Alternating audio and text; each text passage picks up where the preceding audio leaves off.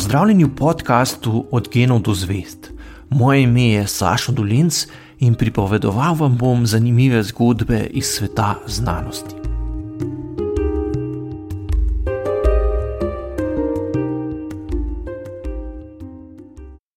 Spoštovane gledalke, spoštovani gledalci, lepo pozdravljeni. Moj današnji gost je Sašo Dolenc. Pozdravljen. Zdravo. Doktor filozofije in diplomirani inženir fizike. Ne? Tako Tako je, nekako bi ja. človek rekel.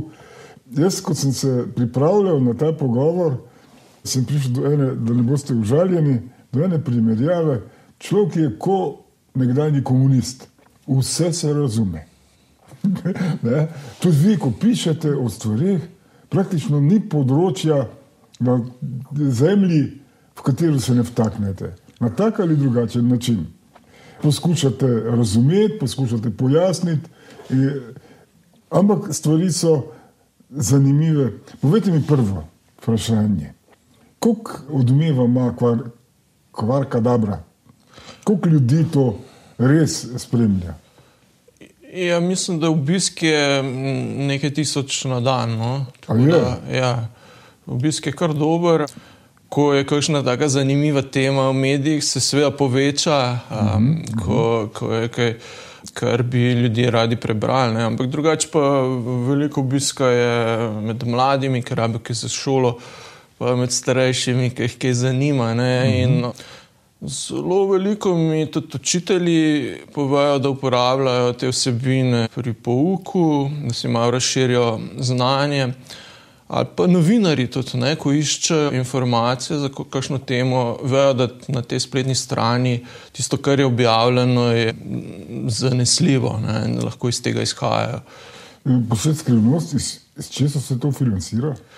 Ker vem, da bo mi država ja. že odrekla podporo. Ja, to je pa en od večjih problemov, zato ker celo to področje, tujini se reče komuniciranje znanosti, to se pravi predstavljanje znanosti na tak način, da me razumejo tudi ljudje, ki niso strokovnjaki za neko posamično področje. Ne. Tudi drugi znanstveniki, ki niso strokovnjaki za neko področje. Ne. Ni to zgolj širša javnost, ampak tudi znotraj znanosti, kot komuniciranje znanosti.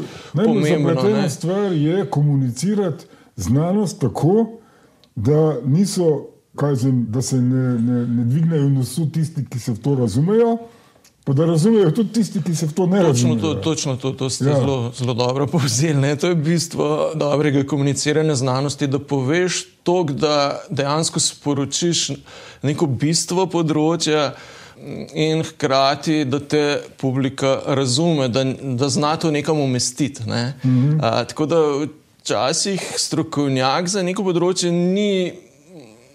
Zadovoljen. Ne, ni, ni tudi najboljši, da mogoče govori o tiste teme, če ne zna povedati na ta način. Marsikdo zna, marsikdo pa tudi ne. ne. Je navaden komunikacije s svojimi kolegi, mogoče v laboratoriju ali pa v isti stroki. Ne. In tu, tu, Tukaj pa, ko govoriš drugim strokam ali pa širši javnosti, je pa treba malo drugače pristopati. Ne? In to je to, ta neka nova, rečemo, veda, pristop, komuniciranje znanosti, ki je v tujini že kar razvito. Ne? Pri nas je pa vse skupaj še v povojih in tudi nekak država, ne, znanstvena skupnost, ne, univerzitetni svet ne zna tega umestiti nekam. Ne? Ja, ena, ena, ena, To je, ni pravega predalčka. In, Eh, Pravim, en, en absurd je, eni mešajo komuniciranje znanosti z public relations. Ja. To so pa, to so pa v glavnem službe, ki so ja. v sodobnem svetu namenjene temu, da preprečijo javnosti dostop do tistih, ki, o, o, ki jih komunicirajo. Ne? Ja. Vam to gotovo ni interes. ne, PR službe na univerzah, na inštitutih so pomembne, ne, ki pomagajo raziskovalcem, znanstvenikom, profesorjem, da svoje dosežke ali pa tisto, kar bi radi sporočili javnosti, formulirajo na ta način, da pride enostavno v medije. Ne. In Ampak v to ni so pa- komuniciranje znanosti. Pa pod ministrstvih in podjetjih so pa te službe dejansko zaradi reklame, zaradi ustvarjanja imidža. Ja, se Vam ni namen ustvarjanja imidža, Ne, ampak ne. pojasnjevanje. pojasnjevanje, ampak hkrati moraš imeti neko zaupanje v publiki. Ne? Tako da neke vrste blagovna znamka, kot je kvar kadabra ne, ali pa nekaj podobnega, je pomembno, zato ker ljudje vejo, kaj so že prebrali in vejo, kaj lahko pričakujejo, tudi ko se pojavi neka nova tema. Ne, da, ampak to je nekaj drugega kot PR. Ne. Ker, ker na področju komuniciranja znanosti pač moraš ti povzeti bistvo nekega področja, ne, ne predstavljaš dosežkov enega posamičnega znanstvenika ali pa inštituta, ampak če že o tem govoriš, to umestiš v nek širši kontekst razumevanja nekega področja ne, in to je pa včasih pride tudi v konflikt s konkretnimi željami posamičnega znanstvenika ali pa inštituta, ki se mogoče drugače vidi. Zdaj področje, s katerim se vi zelo intenzivno ukvarjate, je umetna inteligenca in tu smo ljudje hudo zmedeni že, že od, od pojave interneta naprej, pa Facebooka, pa, pa Twitterja, pa, pa zlorabe vsega tega. In vsi se bojimo, kaj zdaj bo, ko bo ta umetna inteligenca res vzela maha, bi rekli Srbi. Ja, na, na tem področju treba biti pazljiv. Ne, zdaj je to res v zadnjem letu, odkar se je čet GPT pojavil, ne, vsi govorijo, vsi mediji govorijo o tem. Um, in imamo dve skrajnosti. No, eni pač pravijo, da je to nekaj nevarnega, da je treba to regulirati, da je treba biti pazljiv, drugi pa pričakujejo nerealne, pozitivne stvari od tega. Ne. Tako da pravi, pristop, ja, pravi pristop je, da, da se zavedaš nevarnosti, da se zavedaš pa tudi dobrih stvari in znaš, zna, znaš to na nek pravi način uporabljati. Ne, to je zelo, zelo koristno urodje, če ga znaš uporabljati na pravi način in se zavedaš problemov in jih naprej nekako nasloviš. Ne. Ja, Saša, zdaj na zelo preprost način, kaj pravzaprav pomeni umetne inteligence. Ja, zdaj to, kar imamo, s čimer imamo upravka v, v, v zadnjem letu, ne, ko, ko je to prišlo v medije, so v bistvu računalniki, ki znajo izvajati neke procese, za katere smo še nedavno mislili, da so zgolj domena ljudi. Ne.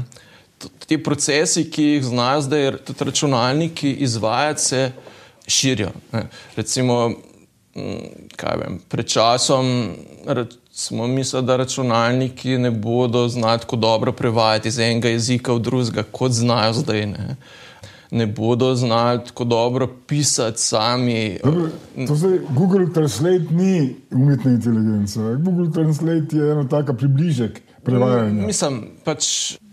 Po neki najbolj splošni, splošni definiciji je, to to. je umetna inteligenca umetno ustvarjanje strojev, ki znajo izvajati zadeve, za katere smo še nedavno mislili, da jih znamo zgolj ljudje. Ne? In, in to je res znak tega, ne, neka tako zelo splošna definicija. Z jezikom prav, ja. praktično ja. zdaj več ni problem, če ne znaš angliško.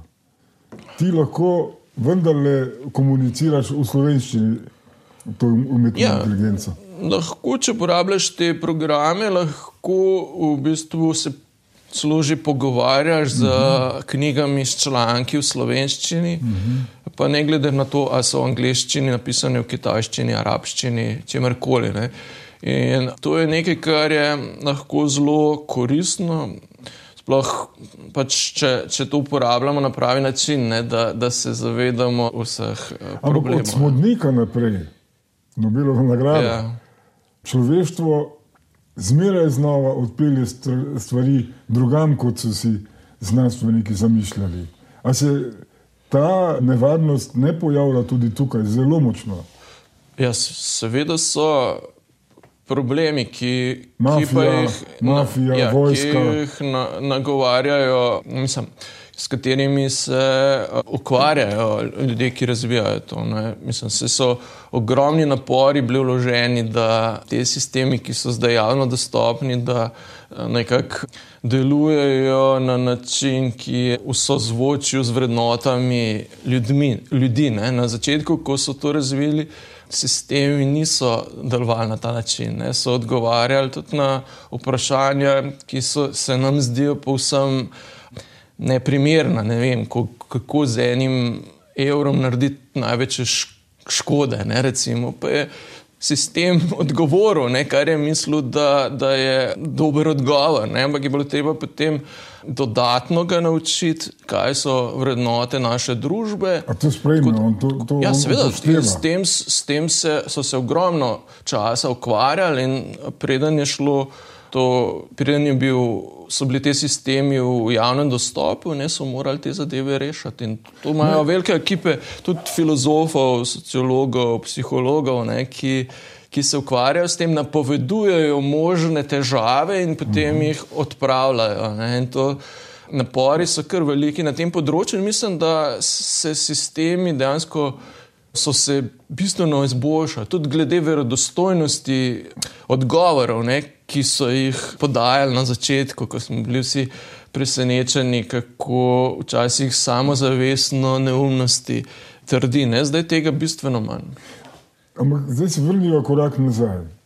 S pojavom interneta, s pojavom forumov, anonimnosti forumov, Twitterja in tako naprej, smo gledali, kako grdo zgleda vse skupaj, kako znajo ljudje žaliti, potikati. Glejte, objavi, ne, ali je ukradel denar, ali boš dokazoval, da nisi komu, onega ni. Ja, ne, sej, pač, In, in, in človek pre- razmišlja, vse to, kar je bilo narejeno, je bilo z dobrim namenom narejeno, pa se je svižilo. In nismo našli načina, kako to prav ustavljati. Ja, prav ta ista tehnologija, ki zna zelo dobro operirati z jezikom, ne, ki podpira sisteme, ki jih zdaj poznamo kot ChatGPT, ta ista tehnologija je bila tudi v pomoč, recimo Facebooku, da je avtomatsko moderiral objave. Ne, ko so imeli velike probleme pred leti, predvsem v jezikih, ki jih niso tako dobro podpirali ne, za moderatorji. Da so se prav zaradi takšnih žaljivih, rasističnih in podobnih objav zgodili tudi, so bile posledice kar hude tudi v realnem svetu. Ne. Predvsem mislim, da je na Danem shodu so bili primeri, ko, ko je prišlo tudi do pokolov, ne, ki so bili nekako povezani s, s takim sovraštvom. Takrat so prvič uvedli te sisteme avtomatskega vrednotenja raznih komentarjev, ki so objavljeni na družbenih me- medijih, in to je kar olajšalo cel sistem, ne? ker so, je sistem lahko avtomatsko se odzval na ve, veliko več objav, hitreje kot kjer. Ko, Kukorkoli že so zaposlili, recimo, moderatorjev. ne. Ko so Donald Trumpu prepričali vstop na Twitter, je ustanovil svoj. E, To, če so ljudje bogati, lahko počnejo kar čo. Ja, ampak še zmeraj pač je pomemben doseg. Ne? Te veliki sistemi kot tw- Twitter, um, ja, potem Facebook, Instagram, TikTok in takih. Te imajo bistveno večji domet kot karkoli, kar še bogataš sam ustanovi na novo. ne. Tako da in te sistemi so v bistvu dolžni skrbeti za nek ni- nivo debate tam. ne. In vsaj, mislim, tako kot so problemi, ne, ampak mislim, da zdaj obstajajo sistemi, ki bistveno olajšajo to moderiranje, ne, ko, kot so bili mogoče pred desetimi leti. Ne. Slavoj Žižek je problematiziral umetno inteligenco. Vas so prosili, da to komentirate. Ste komentirali na dva načina. Enkrat ste vi komentirali njegov, njegovo definicijo, drugi ste pa dali umetni inteligenci, da komentira. A to je bilo pa res že čist na začetku, Ja. ko se je chat GVD pojavil in je bilo zanimivo mi, kako je v bistvu cel ta sistem se znal tudi sam dati nek odgovor v stilu neke znane osebe. Ne? Mm -hmm. se- in tisto, vsaj takrat se mi je zdelo na začetku, ne, kar, kar zanimi, zanimivo, ne, kako se je znal postaviti neko perspektivo. Ne. Zdaj, po, po, po enem letu, je to mogoče ma- malo bolj samoumevno. Kar je tako, meni ja. zanimivo, vi govorite cel čas o enem letu. In tu se ravno to kaže, kaj se v tej sodobni znanosti v enem letu lahko zgodi.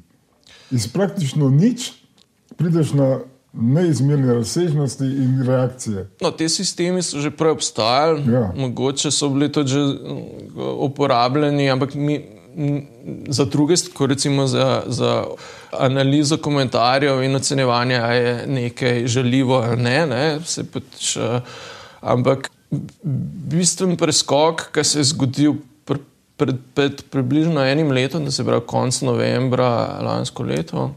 Je bil pa ravno to, da smo se zdaj stroji lahko začeli pogovarjati v nekem običajnem jeziku. Ne. Tega pa prej ni bilo. Smeri si moral uporabljati neke ukaze. Ne. Zdaj so pa ta sistem nadgradili na ta način, da se dejansko stroji lahko pogovarjamo. Zdaj tudi že No, Saš, od tako, da zdaj? povemo nekaj v telefonu v slovenščini in on to razume in nam odgovori. Ne. In kje, so- kje je zdaj meja? Kako daleč bo to šlo? Kako, ker, ker, če je to v enem letu, se je to premika zgodilo. Kaj lahko računamo na naslednje tri mesece, eno leto, pet let? Ja, mislim, zdaj je prišlo do nekega preskoka tehnologije. Ni nujno, da bo zdaj razvoj enako hitro naprej. Ne. Tudi pri, pri internetu smo imeli tak preskok, ne, ko se nam zdelo fa- fascinantno, kako lahko hitro dostopamo do oddaljenih informacij, smo v stiku z glejte, nekom. Pred 20 Ampak- leti nihče ni imel mobitela. Danes imamo vsi pametne telefone. Naši detki, babice se kar pogovarjajo s tistim. Mene je kar strah, ker to je bilo prehitro vse skupaj. Kaj bo zdaj s tem? Ja, ne vemo.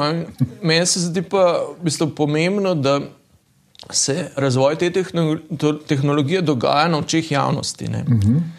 Zato, ker lahko bi ta tehnologija ostala še zmeraj skrita v nekih laboratorijih, mogoče v, v aplikacijah držav, ki nimajo nekih dobrih namenov. Ne.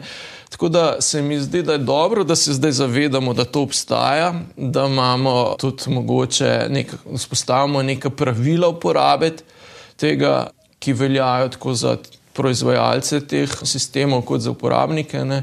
Tako da to, da, da se vse skupaj dogaja na očeh javnosti, se mi zdi dobro. No. Ampak po drugi strani pa najhitreje lahko kupijo vse to najbogatejši ljudje. Eh, Mnogi tudi, ki razmišljajo tako, kot recimo zdaj vidimo v Rusiji, v, Egip, v Izraelu, Ja, ampak te, Ameriki. te sistemi so, za, so doživeli tako hitro širjenje, ravno zato, ker so bili zaston dostopni. Ne? In so še zmeri ne ravno najboljše verzije, ampak kar, kar veliko teh storitev je še zmeri prosto dostopnih. Ja. Ja. In to je bilo pomembno, da se je aplikacija teh, te, te nove tehnologije to zgodila tako strahovito hitro. Ne? Če primerjam recimo z tem, kako smo v času interneta potrebovali več let, ne, da smo začeli uporabljati elektronsko pošto in podobno. Ne? Zdaj se je to zgodilo v nekaj tednih, ne, da je marsikdo vsaj probo, pa potem kar začel uporabljati te, mm -hmm. te sisteme. Ne? Tako Da, in klej smo lahko slovenci zelo veseli, da slovenščina je že od začetka del tega in je bila tudi že preden se je če GPT pojavil. Ne? Kakšno opremo mora človek doma si nabaviti, da lahko vse to uporablja? To lahko tudi s telefonom. običajen- običajen telefon, Pameten pameten. telefon. Ja. Ja. Pa pač običajen računalnik. Ni treba imeti neke zelo močne opreme, ker se tisto, kar je procesorsko zahtevno, dogaja na ravni tega oblaka, ne, oziroma teh velikih plantaž računalnikov, ki so v velikih centrih, ki, kamor se recimo naš ukaz prenese in se tam potem izračuna nekako odgovor. Ne. No, vrnimo se zdaj k vaši, vašemu osnovnemu poslanstvu, to je popularizacija znanosti. Sem pravi izraz uporabil. Ja, nekaj um, podobnega. je v redu, sam problem je, če se to meša z tem, kar smo prej govorili. Spet PR. PR-jem. Ja, ja, ker popularizacija določenega inštituta je nekaj drugega kot popularizacija. Znanosti, ja, znanosti nasploh ali pa znanstvene vede, s katero se ta inštitut ukvarja. Mm -hmm. To je tisto, kar je treba ločevati. No, ampak eh, v vaših intervjujih sem videl, da niste zadovoljni z stanjem, čeprav se izboljšuje Pri nas. Kako v Sloveniji. Ja, nisem. Predvsem, predvsem mi nimamo nobenega izobraževanja na tem področju, kar recimo razviti Zahod ima. Ja, seveda. Že čez mejo v Trstu je um, um, eno magistrski študij komuniciranja znanosti. Kakšna fakulteta je v Trstu? Mislim, da je to kar del enega velikega inštituta. Aha, Mm, uh, tako da, ker mnogi ne vemo, da je v Trstu sploh. ja, se tudi nekateri slovenci so tam končali in so bili zelo zadovoljni. Magistrski študij, ki je zelo aplikativen, um, koristen. Tako da imamo v bližini dobre zglede, ki, ki pa pač zdaj, ne vem. Upam, da se bodo prenesli v naše kraje. Zdaj, za začetek se mi zdi, da bi bilo zanimivo vzpostaviti saj nek skupni predmet za, kaj vem, na neki kasnejši, višji stopnji, neki bi ga lahko upisovali. Kam, kam bi to locirali? Na fiziko, na FDV? Kam, kam, kam to po, Ja, po neki na, naturi pride? ponavadi so te komunicirane znanosti bolj bliže tem naravoslovnim fakultetam. Ne. Ja, ja. Ampak zdaj se je pojavil nek trend, da komunikologi, to se pravi, družboslovci Ja. ukvarjajo s kao znanstvenim preučevanjem komuniciranja znanosti. Ne. Ampak to je nekaj čist drugega. Oni pa čisto preučujejo novinarstvo, preučujejo vem, PR komuniciranje. Ne. To ni znanstvena praksa. Ne. Vi ste, vi ste, To, je, mislim, to ni praksa komuniciranja znanosti. Ne? To je nekaj čist drugega. In tukaj bi rad izpostavil, da ponavadi te, ki preučujejo kao, znanstveno komuniciranje znanosti, sami sploh ne znajo komunicirati znanosti, ne večinoma. Tako da, pa ni formule, kako se komunicira znanost, da bi jim vi povedali. Ja, seveda, seveda, recimo ta praksa na, na tem podiplomskem študiju, oziroma magistrskem študiju v Trstu je drugačna. Tam pridejo ljudje iz prakse, no, tudi teoretiki, ne, in razlagajo stvari. In zdaj tisto, kar je koristno za nekoga, ki bi rad dobil to, pridobil to znanje, kako povedati nekaj širši javnosti. So neke veščine, ki, ki pa jih obvladajo tisti, ki, ki se s tem ukvarjajo in ki imajo na tem področju neke, neke prakse in tudi znajo to nekako reflektirati. Ne? To se pravi, znajo o tem govoriti. Nekdo lahko je dober samo v praksi, pa ne zna tega znanja prenašati potem naprej. Ne?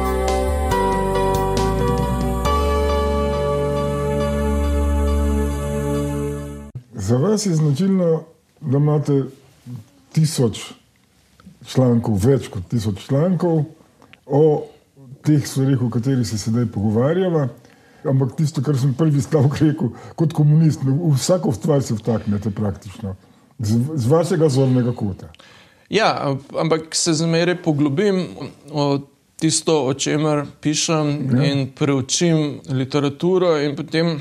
A tu gre od črne luknje do ne vem, katere vse. In hkrati poznam ljudi, ki so strokovnjaki za posamezno področje, ki mi lahko pomagajo. Ne? In potem tudi z njihovo pomočjo lahko nekaj razumem in šele potem pišem o tem. Ne? Nikoli, ne, ker zelo pomembno je, da, da znaš presoditi, kat, katerim virom zaupaš. S česa lahko izhajaš. Ne? In to sploh pri novih, novih vsebinah je to zelo pomembno. Ne? Ker lahko je tudi nekaj pride iz oglednega inštituta, pa je napačno. Ne? In, Kako to prepoznamo? ja, to je pa pač zdaj nekaj, to, komu zaupamo, da so, kako bi rekel, strokovnjaki na posamičnih področjih, ki imajo pregled in imajo znanje, da Kredibilnost. kredibilnost je in ti moraš vedeti, kdo so te ljudje. Globalno in lokalno, ne, da znaš presojati. Saša, zdaj imamo, recimo, za splošno publiko, imamo vas, ki to poskušate razumeti in opozarjati. Ne?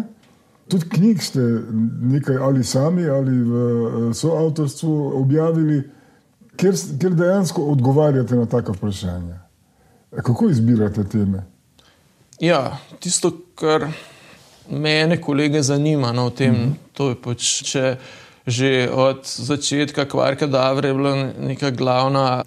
Glavni način, kako smo presojali, ali se bomo nečesa lotili, ali pa kako bomo kaj predstavili, ali znamo mi sami sebe navdušiti. Ne? A mi uživamo, ko beremo neko besedilo, ko govor, govorimo o nečem, ne? a nas to zanima. In to se je izkazalo kot zelo dober kriterij, ne? ker če, sebe, ne, če ti predpostavljaš, kaj bodo kaj bo nek, nek na, namišljeni tvoj bralec mislil, se lahko veliko zmotaš, ne? ker ti zga namišljenega bralca. Nekaj mogoče... odmevi na koncu so, ne? Ja, ja seveda, se, ampak, ampak problem je v tisti fazi, Ko, pa, ko dobiš odmeve, že to je neka druga. Ja, to je to, ja, ampak ne znamo, ko si že kaj naredil. Ja, ja, ko, ko se še odločiš, da boš nekaj počel, mm -hmm. takrat pa nimaš še odmevov, ne? si v bistvu sam in takrat moraš sam presojati, ali se boš nečesa lotil, je to zanimivo ali, ali ne, ne. In kako se, kako se lotiš nečesa, ne? je tudi pomembno, iz česa izhajaš. Pri tej ogromni količini stvari, ki ste jih napisali, dejansko se človek vpraša, kako zdaj živi ta človek. Vsak dan tu, tako bom pa jutri pisal. Ker to ni klasično novinarsko delo, čeprav se prodajate tudi kot novinar. Ja, ne, ni, ni, ni klasično novinarsko ja. delo, ker novinari pač na področju znanosti izhajajo glavno iz izjav strokovnjakov, znanstvenikov. Ne. Tukaj pa v bistvu ti izhajaš iz same znanstvene vednosti. Mhm. Sicer se moraš opirati na strokovnjake, ampak zares si ti tisti, ki.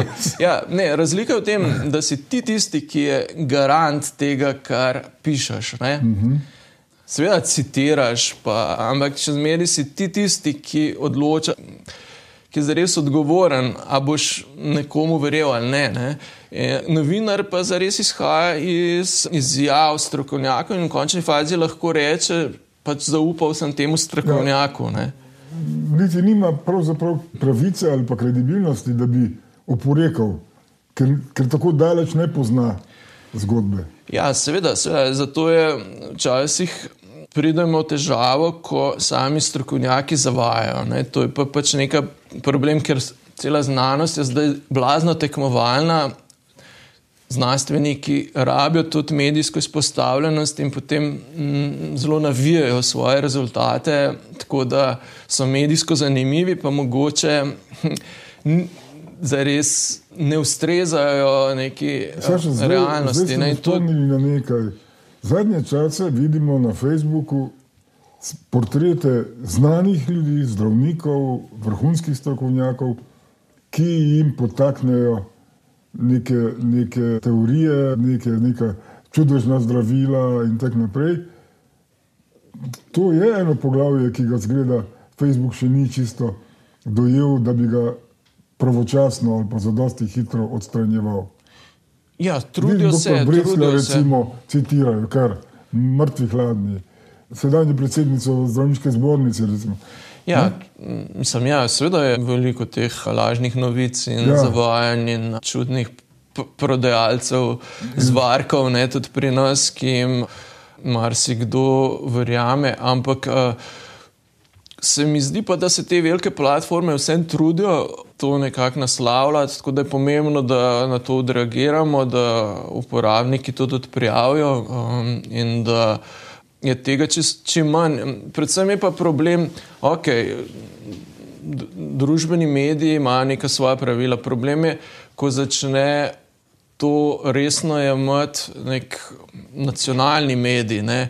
nek medij, za katerega predpostavljamo, da je objave v tem mediju so prešle neko strogo uredniško kontrolo. To, je, to se mi zdi Zdaj se pom pomembno. Eno zelo ja. konkretno zgodbo.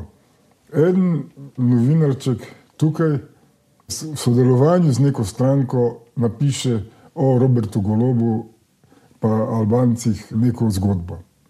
To zgodbo povzamejo Srbi in se sklicujejo mediji v Sloveniji. Na koncu naši tradicionalni mediji povzemajo srpsko zgodbo. In smo v osnovi v, v eni sumljivi ali pa dezinformaciji, ki nenadoma postane splošno veljavne. Ja, to, to je velik, velik problem, je, da klasični mediji povzemajo družbene medije. Ja. In premalo tudi svojega novinarskega napora. Preverjanje pa uh, ja, angaž, svojega angažmaja, zato ker pač vsi tu tekmujejo drug z drugim, kdo bo prvi, kdo bo bolj ekskluziven, kdo bo bolj bombastično informacijo objavil, ne, da včasih ne naredijo dovolj dela, ne, da, da pre, bi preverili, ali je nekaj dejansko resnično ali je bilo zgolj plasirano z strani nekoga. Vi ste prej govorili o kredibilnosti znanstvenikov, uh mhm. -huh. Tistih, s katerimi vi komunicirate, pa jih potem na nek način komentirate, in, ali pa tudi ta, ta eh, umetna inteligenca. V tej oddaji sem imel Ervina Hladnika Milharčiča in sem ga vprašal, včasih smo ljudje vedeli, kdo so novinari, ki jim lahko na prvo, kaj zove, en Juri Gostinčič, če je o, o nekih zunanjih političnih temah govoril, si ga požiral. Ne vem, Boris Bergant, Mojca Drčer. Zdaj imam občutek, čeprav je on, on mi je zanikal, on je našteval mi kar imena nekaterih ljudi, ki bi jim moral. Ampak morda so se izgubili znotraj vsega tega, kar se zdaj dogaja, ker ljudje na družbenih medijih pišejo tisto, pa berejo tisto, kar bi radi brali, pri COVID-u smo to videli. Ja, mislim, včasih tudi ta cikl novinarski bil počasnejši. Si imel več časa, da si premislil, zbral informacije. Ne? Te staroste slovenskega novinarstva so pač nekaj pisale za nekaj dni naprej, ne? mogoče celo že za teden naprej. Ne? In to je nekaj, čas, ki ga zdajšnji novinari večinoma nimajo več. Ne? Vse se dogaja blazno hitro. Ne, pa zdaj vprašam, ali imate neke uporne točke v žurnalizmu slovenskem, za katere bi lahko rekli, evo, tu, tu pa ne bom zgrešil, če ga bom bral. Ja, mislim, sigurno določenim virom bolj zaupam. Dela, recimo, da je nekaj podobnega. Ja, pa ne vse, kar je tam objavljeno. Ja pluralizem je prišel v vse pore. So bili to že zelo problematični uh. -huh. članki tam objavljeni, ne? na katere sem se tudi odzval. No? Da, uh mhm. -huh. in, ja, pravilno, pr pravilno je to, da se odzivamo na napake, na zavajanja in sicer kulturno, da, z argumenti. Uh mhm. -huh. Da, že, že z tega, da, da so uredniki bolj pazljivi in da bralci uh, se zavedajo, da ni vse suho zlato, ne, -hmm. kar se objavi v, na nekem formatu, za katerega pričakuješ, da, da je ja, verodostojno. In to iste probleme ima tudi New York Times ne, in taki res veliki, veliki močni, močni ja, BBC. Ne, mm -hmm. To, to se, vidi se pa, da je problem ravno ta hitrost. Ne. Če bi oni vse skupaj malo upočasnili. Bi se, če bi šlo čez več oči, bi pač nekdo opazil. Oni tega ne delajo namerno, ne, teh napak, večinoma. Pač včasih kažne. Prepričanje osebno lažje spusti skozi, kaj, kar je skladno s tem osebnim prepričanjem, recimo mhm. urednika, novinarja, kako koli. Ampak načeloma se te napake ne dogajajo namerno. Razen v primeru, ko nekdo poskuša plasirati neko svojo zgodbo, ki, ki, ja, ki, ki v njemu koristi. Mi smo na koncu zmedeni. Ja, to pa je res. Ja. Ker, ker nimaš enostavno več opornih točk, kot si jih imel včasih. Predavate tudi na fakultetah, sem prebral na vašem CV. Pravzaprav me niti ne zanima toliko, kje vse predavate, ampak kaj. Kaj razlagate študentom, kako jih poskušate usmerjati? Jaz v bistvu nisem vključen v nobeno pedagoško delo že kar nekaj časa, ampak če me povabijo na neko temo, pač pridem in povem mm -hmm. svoje mnenje in pač imamo debate. No.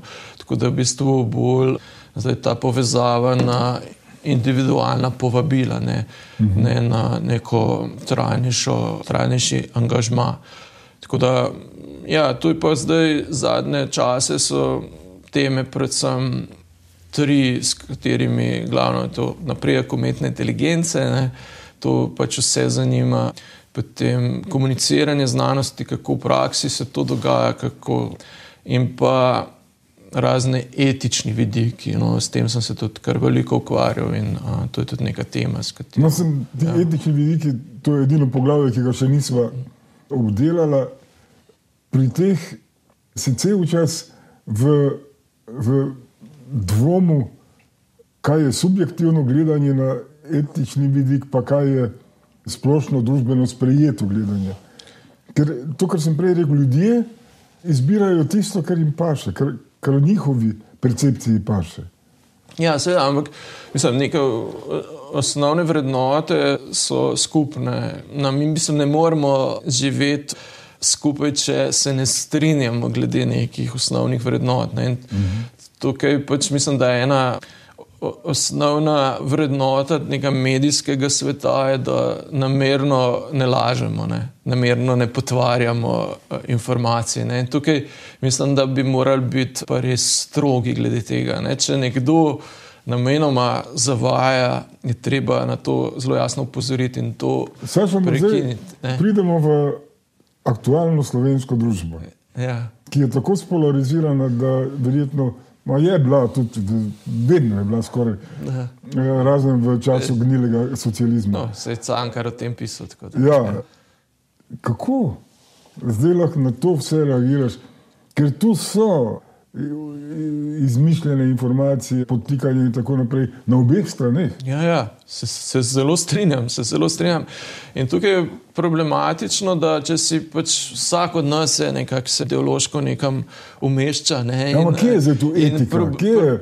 Etika je ravno v tem, da, da, da se zavedaš tudi pri sebi, da si lahko pristranski in da se omejiš in da poskušaš vnaprej predvideti, da si mogoče lahko glede česa pristranski in mogoče koga vprašaš, da ti prebere tvoj sestavek, tvoje mnenje. Ne?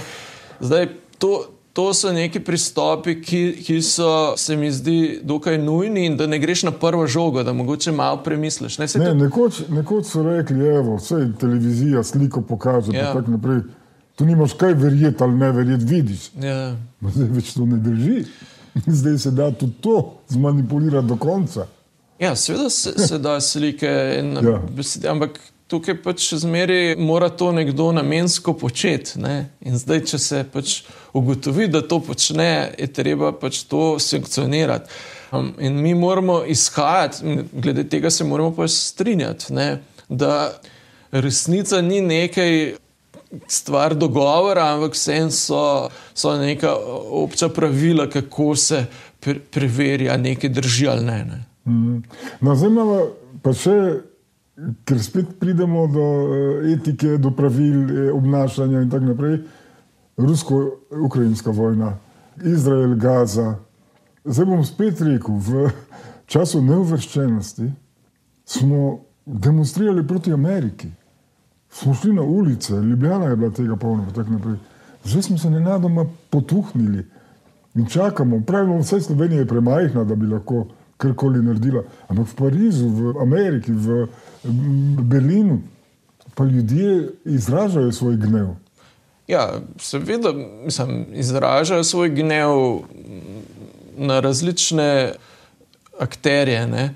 Zdaj, tisto, kar je pomembno, je, da poskušamo izhajati iz dejstev, čim, da smo čim bližje te, temu, kar se dejansko dogaja, ne, da ne izhajamo iz gneva, ki se umetno generira na osnovi mogoče celo lažnih informacij, prehitrih tam, kjer, tam, kjer se informacij. otroki, pa ženske. Ja, tam, seveda, tam, seveda tam je to- biti zelo objektiven. Ne? Seveda, seveda, ampak ja, Zdaj se pa meša ključno je, eh, da. antisemitizem, pa pravica do nekih Ja, početij. seveda, mislim, tu- tukaj so včasih dileme, ki so res nerazrešljive. Ne, ko, ko, ko pač ne moreš tako enostavno, s- sploh ne iz take oddaljene perspektive, kjer imamo informacije s, s, s tam preko različnih posrednikov. Ne, tako da je težko. Tisto, tisto, kar se mi zdi, da, da bi morali mediji početi, je neka dobra refleksija, ne samo prenašati te Novice. novice Ja. ne, zdaj pač To se je zgodilo, tisto se je zgodilo, ampak podajati neko dobro refleksijo tega in umeščati to v nek širši kontekst.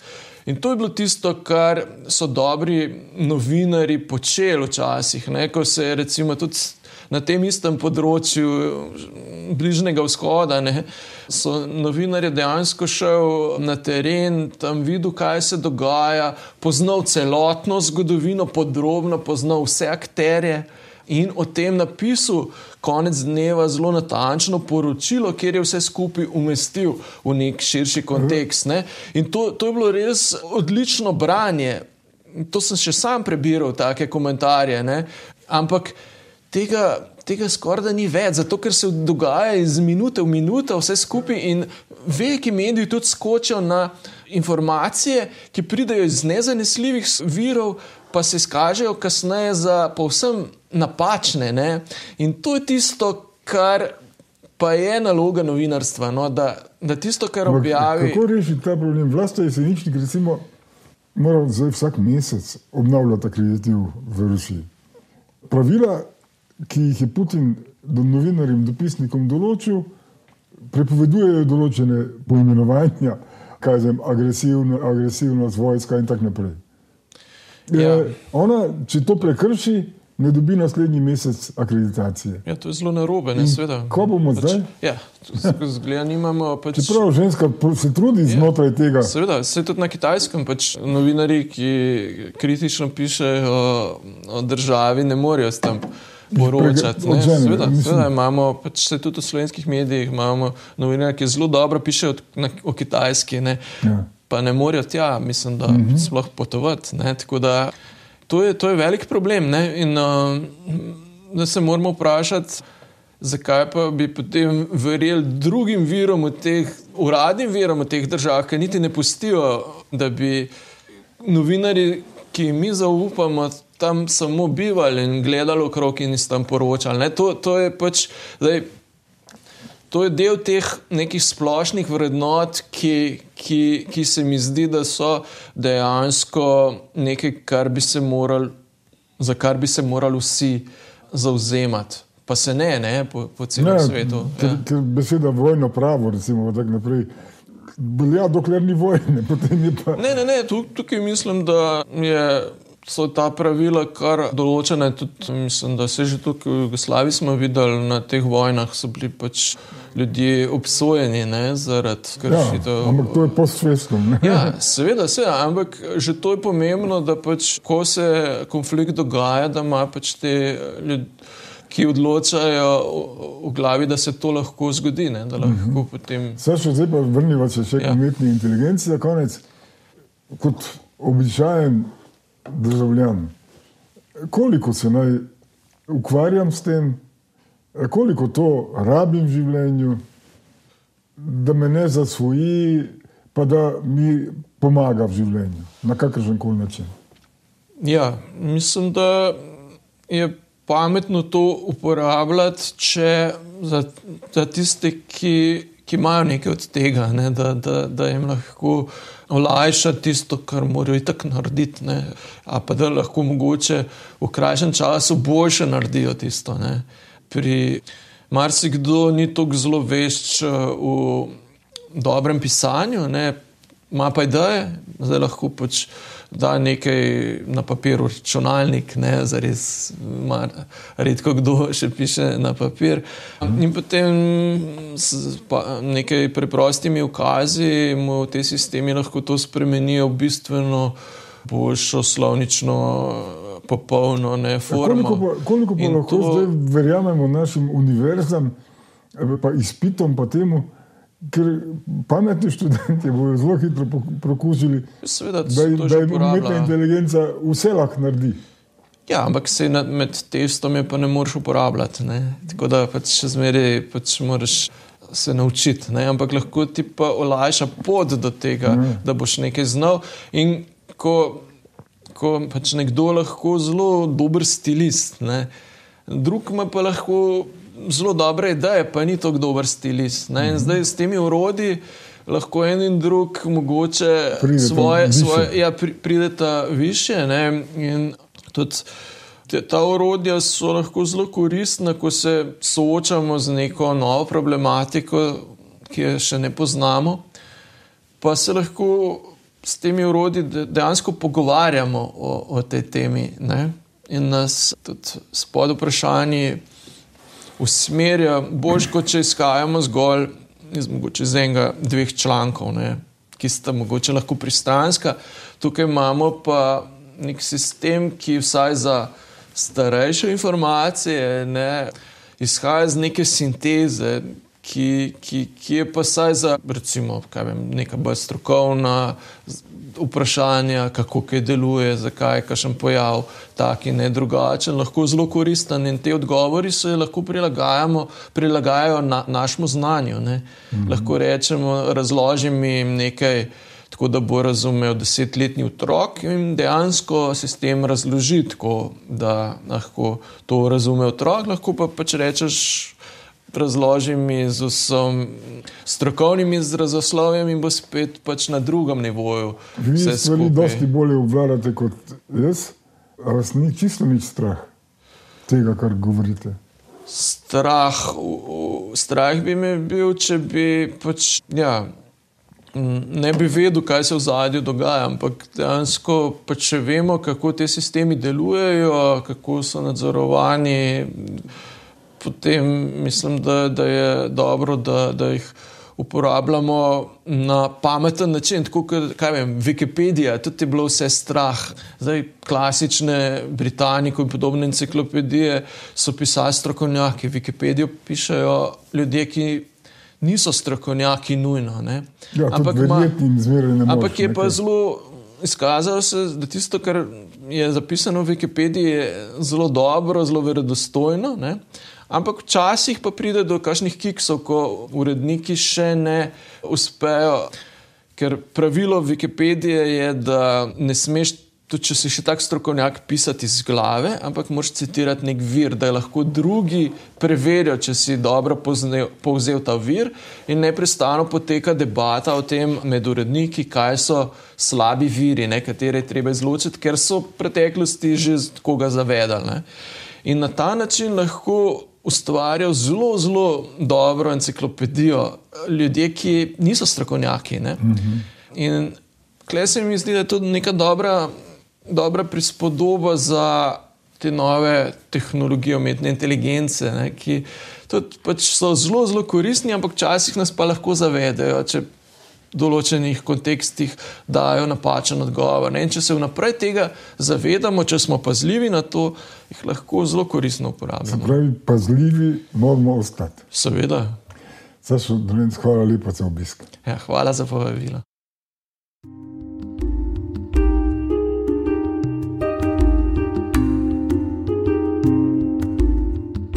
To je bil podcast Od genov do zvest. Moje ime je Saša Dolence in z novo zgodbo se vam oglasim že k malu.